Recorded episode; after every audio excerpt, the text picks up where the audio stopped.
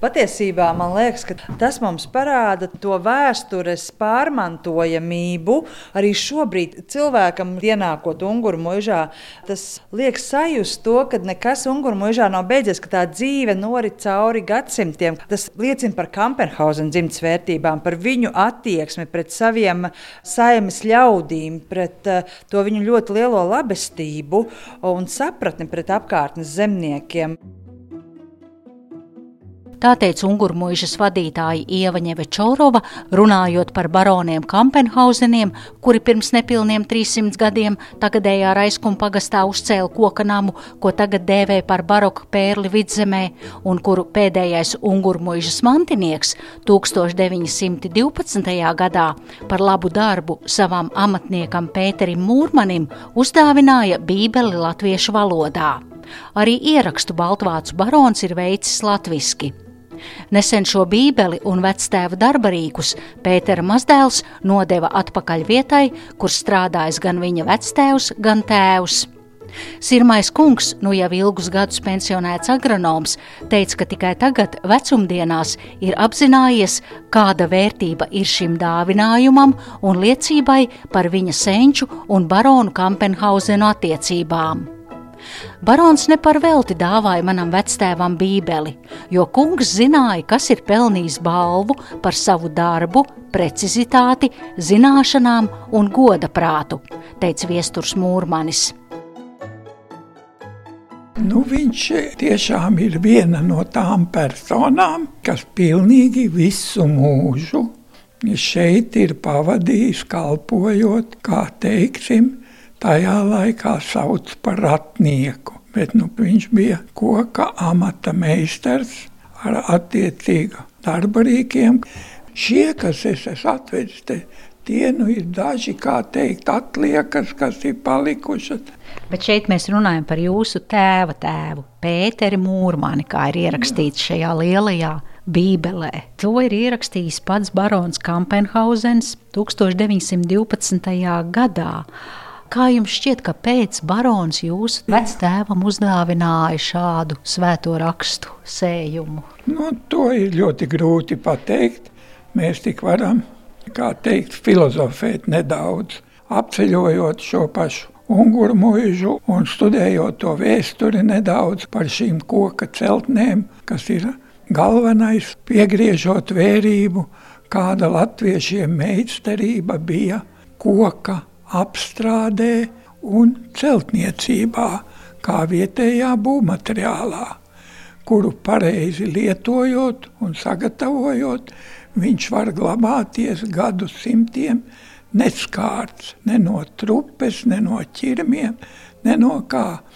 Un tāpēc man tāds liels lepnums, ka mans vectēvs ticis novērtēts no Kampenhausa dzimtas vairākus gadus desmitus šeit kalpojot un godprātīgi acīm redzot šo darbu pildot un kvalitatīvi, kad nu barons bija iecerējis to pateicību izteikt ar šo bībeles dāvinājumu 120 gadu atpakaļ. Un e, jāsaka, kad man nav zināms neviens cits cilvēks, kam būtu šāds gods parādīts. Un līdz ar to es savā vecumā arī varu lepoties ar savu veco tēvu par viņu darba rezultātiem. Un otrs rezultāts ir, kad vēl pēc 20 gadiem, 54 gadi vecumā, viņš saņēma to bībeli. Bet tad 70 gadu vairāk vecumā viņš saņēma tādu privilēģiju, kad pie Unguru mūžas sētas, var teikt, brīnišķīgajā ozolkoka parka vidū viņam piešķirtas tiesības celt savu mājiņu, kas arī tika izdarīti un nosaukti par atniekiem. Bet tās attiecības starp jūsu senčiem un kampenhauseniem turpinājās arī nākamajā paudzē. Mēs runājam par pēdējo mūžas īpašnieci Liliju von Kampenhausen, kur ir rakstījusi jūsu tēvam, kurš savukārt ir bijis dārznieks šeit, rakstījis vēstules.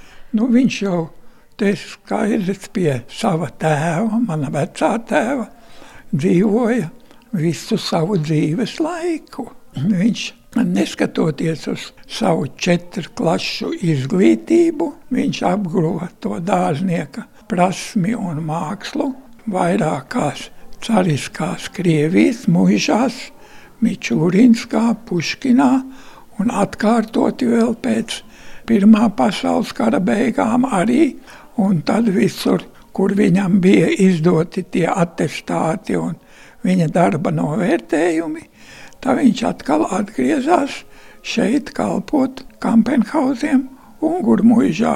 Līdz pat 37. gadā iegādājās savu saimniecību un pārcēlās uz turieni, un Kampenhausa madāma aizbrauca, kā teikt, uz savu dzimteni. Kad viestura mūrmaņa tēvs Unguru mūžas dārznieks Kārlis Mūrmanis apņem par sievu Liliju Elizabeti, Unguru mūžas pēdējā īpašniece Lilija von Kampenhausena 1937. gadā no Heidelbergas drukā uz rakstāmašīnas šādu tekstu. Mīļais dārzniek, ar lielāko prieku es dabūju dzirdēt, ka jūs un Ellīna esiet brūtgānu un brūti. Tad gan es domāju, ka tā vecā pasaule jums izrādās jauna, un jūsu iesākums pašā mājā arī ir vien priek. Priekš jaunā sieva visu rīkot un gaidīt, tad ir jauki. Es tikai žēlo, ka es jūs tagad neredzēšu. Šeitan zied liela akāciena, tā saldā smarža ceļas pāri visām ielēm, rozes arī pašreiz pilnā ziedēšanā. Tomēr man doma daudzreiz aizbēg uz unguru mūžu.